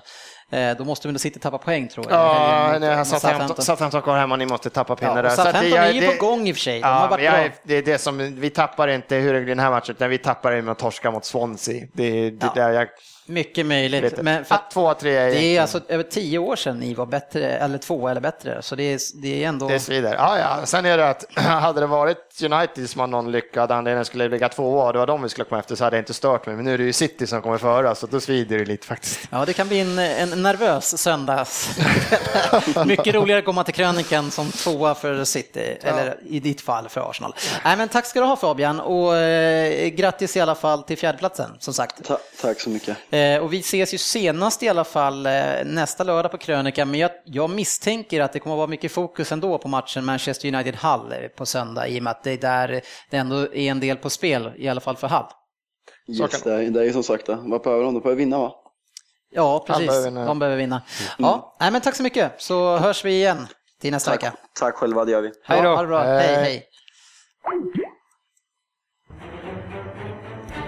Andra resultat från den här omgången, det var ju då West Bromwich mot Chelsea 3-0. Och Ett fint mål från Beharinho eh, som har gjort en del kassa nu. Fint skott av Fabregas. Ja, herregud. Snacka om fullträff. Ja, det var oväntat från Ja, en sån vad person. Sen hade vi Swansea City mot Manchester City eh, 2-4 och självklart så skulle Boni, han får inte spela mycket i City men han kommer in och det är klart att han ska göra mål i en sån här match. Det är som självskrivet i alla såna här. Che- Lampard gör mål mot Chelsea, menar det, det blir alltid så. Eh, sen hade vi då den här matchen United-Arsenal 1-1, sen hade vi Southampton Aston Villa 6-1. Herregud. Och de är, ja, de är sådär, nu kände de att nu är vi klara. Ja, då, lägger, då lägger vi ner det här. Men, ja, samma sak med Chelsea, torska 3 Ja, ja men de, de har ju ändå vunnit Ja, ja. ligan och är klara vinnare. De kan inte tappa någon placering sådär. Så. Eh, Tottenham Hull 2-0, Sunderland Leicester 0-0. Queens Park mot Newcastle, de vände, så vann trots att de inte har någonting att spela för. Och Newcastle som har allt att spela för, eh, vinner med 2-1. Ja, West Ham mot Everton, 1-2, vändning där Jugge. Mm. Ja, jag såg inte matchen, men väldigt trevligt. Ja, Stoke Burnley, tvärtom var det, Burnley Stoke 0-0. Eh, sen hade vi Liverpool mot Crystal Palace 1-3 och där man skulle spela för att Gerard skulle få avsluta Ja, med en seger. Där kan man också prata om karaktär, eller? Ja, herregud vad det såg ut på den matchen. Alltså Crystal Palace såg ut som fan Real Madrid var där, alltså vad de hade lekstuga. Ja, eh, måste vara surt alltså, att få avsluta på det där sättet. Det, ja, det är inte Och, det och då har. Crystal Palace torskat mot Hull och något annat skitlag två matcher i rad och så kommer de och spöar skiten ur Liverpool. Bara, Vad fan är det som händer? Ja, det är sjukt. Eh, I alla fall, vi kan ju dra bottendelen lite kort här nu. Det som gäller det är att Hull har 34 poäng, sen har vi Newcastle på 36, sen har vi Sunderland på 37. Eh, Och det är det som gäller. Hur går det för Sunderland och Arsenal nu i matchen som pågår? Svensson? Ja, det vet jag inte. Jag har inte vågat titta. Vi har ju våra, våra st- störningar i atmosfären. Ja, ni har regler att ni måste ha på, men du Ja, kan väl... ja, vi kör lite snabbkoll här. Det är väldigt spännande det här. Så att då kan jag meddela i halvtid så står det 0-0. Ja, det var ju, ja, alltså båda två klarar ju sig. Arsenal blir klara från tredje plats med kryss och Ja, klarar sig kvar med ett kryss. Så det skulle det kunna vara så att det är en Sverige-Danmark-grej där. vi, tar, vi tar hand på det här och så går vi båda Ja. vinnare det Nej, det där tror jag Arsenal avgör här snart. De tröttar ut Sunderland. Men jag tror fortfarande det räcker, för jag kan inte se, man pratar om motivation och allt möjligt. Jag kan, jag kan inte se ändå halvvinna på söndag. Nej, Jag- jag har kan inte se, svårt alltså, de är så Och dåliga. Steve Bruce, han har aldrig gjort ett resultat Han mot har aldrig United. tagit poäng mot United eller vad fan det är. Men nej. eh, apropå Sunderland som du pratade om så har ju Sebastian Larsson blivit framröstad till bästa Sunderland-spelare Ja. för den här säsongen. Ja. Av fansen. Ja, jag vet, jag såg det. Ja, Och- det ja, jag får säga gra- Ja, grattis tyvärr, och jag tycker inte vi behöver lägga något mer. vi, vi sänker inte det. Det Grattis, om grattis. Kul att en svensk blir framröstad, absolut. Söderberg lurar oddset.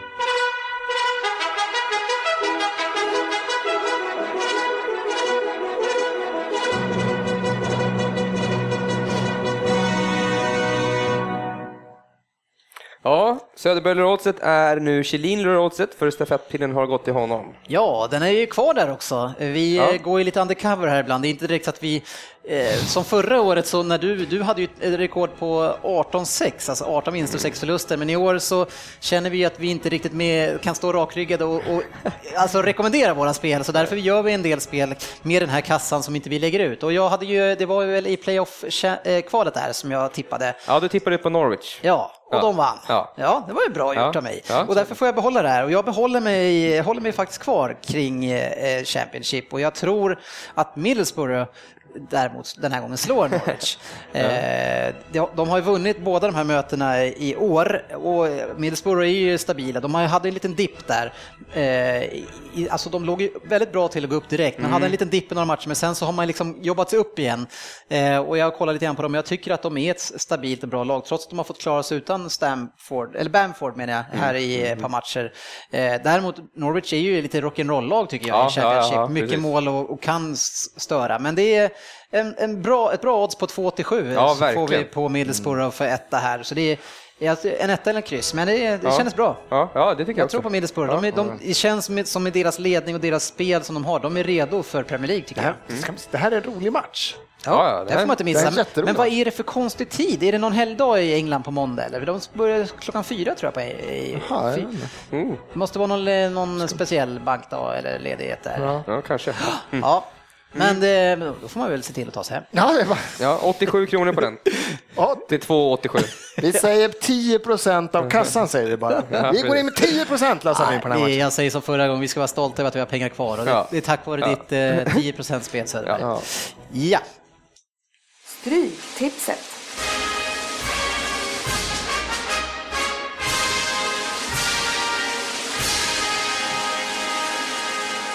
Och Stryktipset den här veckan är ju helt sjukt många Premier League-matcher. Vi har alltså tio matcher. Det är Och så här man önskar det skulle vara varje stryktips. Ja, det är så här det eller borde det, det beror på. Nu är vi bara tre som sitter här som tur var, annars kan det vara ett jäkla kackel för oss att ta, oss- ta oss igenom. Så för att inte det här ska bli en timme bara det här så får vi försöka vara lite effektiva och lite...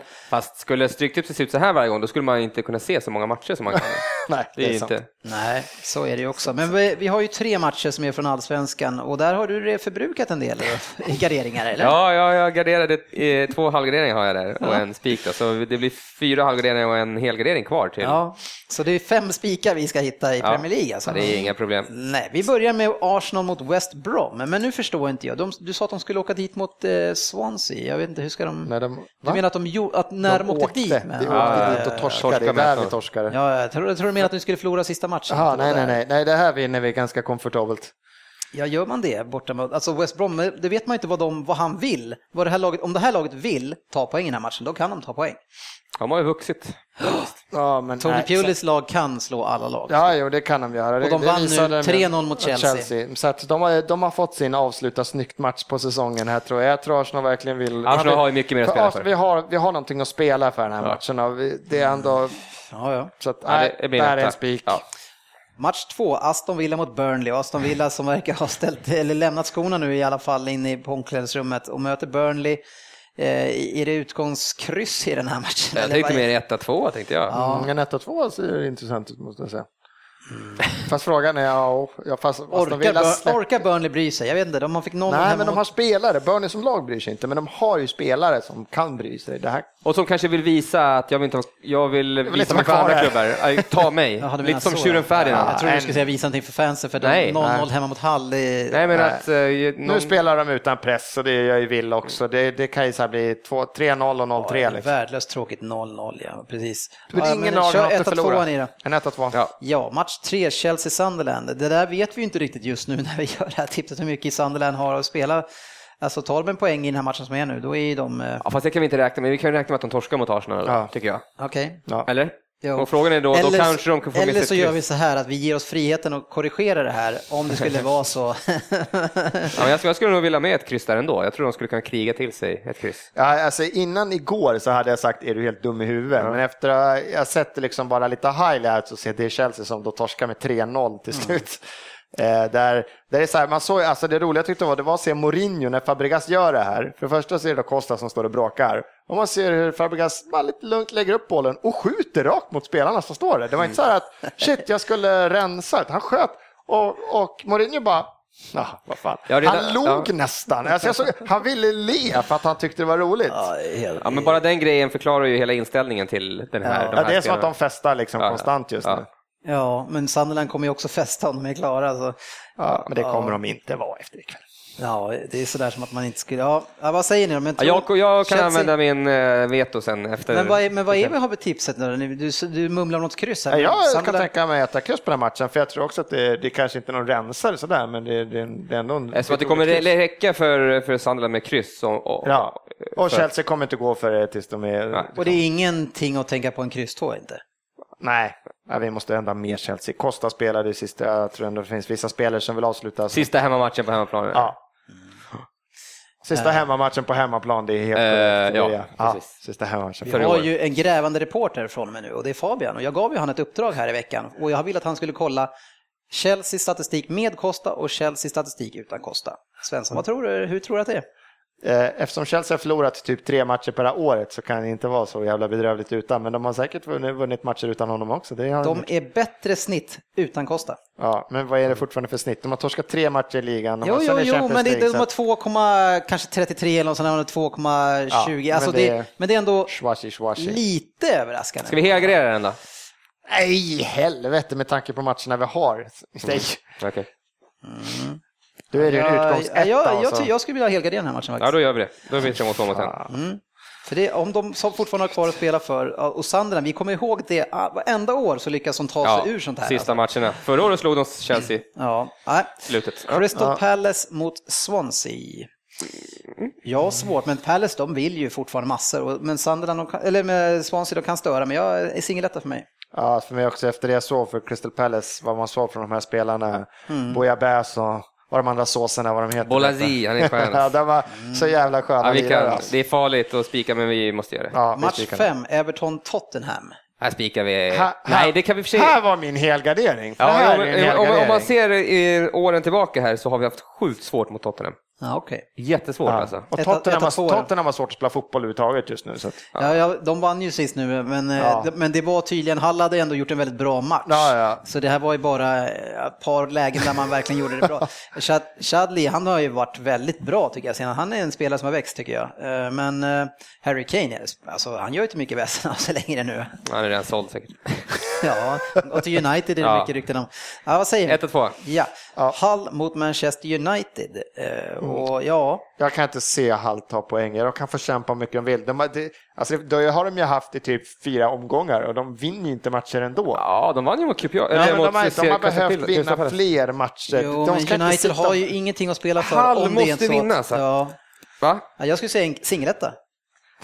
Jag, jag, tycker det var jättekul för att, eh, ja. Kryss 2. Ett kryss skulle jag kunna ta för att eh, det kanske räcker med kryss för Hall. Ja, ja. Eller? ja.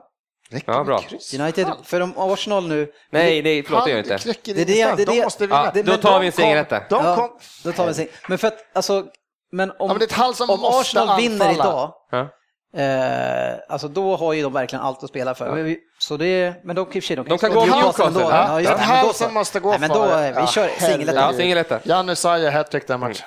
Match 7. Precis, de kommer att spela sådana spelare. Eh, match 7, Leicester mot QPR. Där har vi ju ett lag som är klart för att vara kvar, ett lag som åker ut. Eh, Leicester, de har ju firat rejält här nu. Ja, kan det vara någon Leicester. risk? Kan det vara någon risk att de eh, Det här, precis, den här matchen kanske inte... spelar ingen roll för någon av dem? 1-2 då kanske. Ja, eller etta, etta kryss kanske. Vilka går in med dobbarna före den här matchen liksom? Ja, men etta kryss i alla fall. De, är ju, de har ju etta verkligen firat. Och Ja, okej, liksom. etta kryss. Jag gillar Leicester.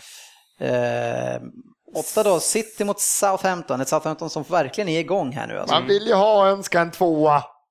Ja, jag har, Åh, roligt det svårt att se att de går och vinner mot City, för City är ju också hyfsat igång nu. Men det, vad- har vi kvar några garderingar? Det Ja. känns som att vi har splashat ut en del här nu. Jo då, vi har en halvgardering kvar. Ja, etta kryss här får jag hoppas. Det Ja, men jag kryss. tycker jag kan också ta med det. Men det, Sjut- Southampton är i bra form och då kan Ja. man ta kanske ett kryss bort mot City. Fan, det räcker inte. De måste vinna. Skit också. Sen har vi match 9, Newcastle mot West Ham och där vi får väl ta en singeletta eller? Ja, det tar emot alltså. Newcastle, hur fan Singelkryss alltså. Kan inte ser- ens vinna över QPR. Jag ser ingen av de här lagen. Jag, får det, ska de, ja. Ja, men de, Kan de göra mål, liksom, De de måste, måste, måste. Om publiken kanske, de måste väl elda på och vill ha kvar sitt lag i Premier League i alla fall. Och, Det här kommer vara en match som bara kommer spelas runt mittcirkeln. För ingen av lagen kan anfalla eller bryr sig. Eh, Eller så har typ så här, äh, de flesta Newcastle-spelarna i kontraktet, åker vi ur, då får vi lämna klubben. då kan de säga, nej men nu åker vi ur. fast så mycket stjärnor har de fan inte alltså. Nej, men de kanske inte vill vara kvar i det där Nej, skiten. singeletta för mig alltså. Ja, inte för mig alltså. Kryss, singelkryss ska jag ta. Vi måste ju singla den. Jag ser inte en etta, då ser jag hellre ett kryss. Oj, oj, oj. Newcastle singelkryss mot West Ham. Nej. Ja. Jag skulle inte göra singel två. Men alltså, alltså West Ham tappade ju hemma mot Everton sist. Så Everton som har varit under isen liksom. Det, Nej, ni får, ni får koka ihop det där. Nej men jag säger att jag vill ha singeletta. De måste du, vinna. vi- Han säger singeletta, jag säger singelkryss. De Det är inte måste- vi, det är de du måste som ska ju- Då blir fälla. det singelkryss. Bra, gå De måste ju vidare. vinna match 10 Stoke mot Liverpool. Eh, och där, Etta. Ja, Ja, Bra. det är ingenting att debattera om. nej. All right. är det någonting du vill ändra? Said. Eh, nej, jag, jag hoppar det. Match 1. Arsenal West Bromwich 1. Match 2. Aston Villa Burnley 1-2. Match 3. Chelsea Sunderland 1, kryss 2. Den var rolig. Match 4. Crystal Palace Swansea 1. Match 5. Everton Tottenham 1-2. Match 6. Hull Manchester United 1. Match 7. Leicester Queens Park Rangers 1, kryss. Match 8. Manchester City Southampton 1, kryss. Match 9 Newcastle West Ham, kryss. Match 10 Stoke Liverpool, 1. Och så match 11 Halmstad IFK Göteborg, kryss 2. Match, 10, match eh, 12 menar jag. Kalmar FF Malmö FF, en tvåa. Och match 13 Örebro Gävle, 1 kryss. Ja, kunde du inte ha singlat Göteborg liksom? Nej, men jag tycker att Halmstad kommer rycka upp sig lite snart. Mot de som typ leder serien. Ja, nej, det gör de inte längre. Det är fan Djurgården som leder serien. Ja, fan, det. Uff, uff. Herregud. Yes! ja, vi får väl se Ja. går med det. Det är alltså sista svängen för oss. Jag tror att det är sista Stryktipset i år och sen Ja. blir det ta nya tag nästa år Ja. och glömma bort under den här sommaren hur det har gått. Både i odds och... Tipsmässigt så är det tung andra säsong. Ja, herregud. Ja. Ja. tack för ikväll hörni. Och så tar vi en skön eh, Premier League-helg nu, den sista, och försöker njuta av det. Verkligen. Sista, sista. In... Sista omgången. Ja, sen har vi fa Cup-finalen kvar. Två avsnitt nästa vecka alltså. Mm. Ja, Spännande. ja, tack ska ni ha. Och Tack tack, för att ni lyssnade. Så hörs vi nästa vecka. Hej då! Vi ses på sociala medier. Ja.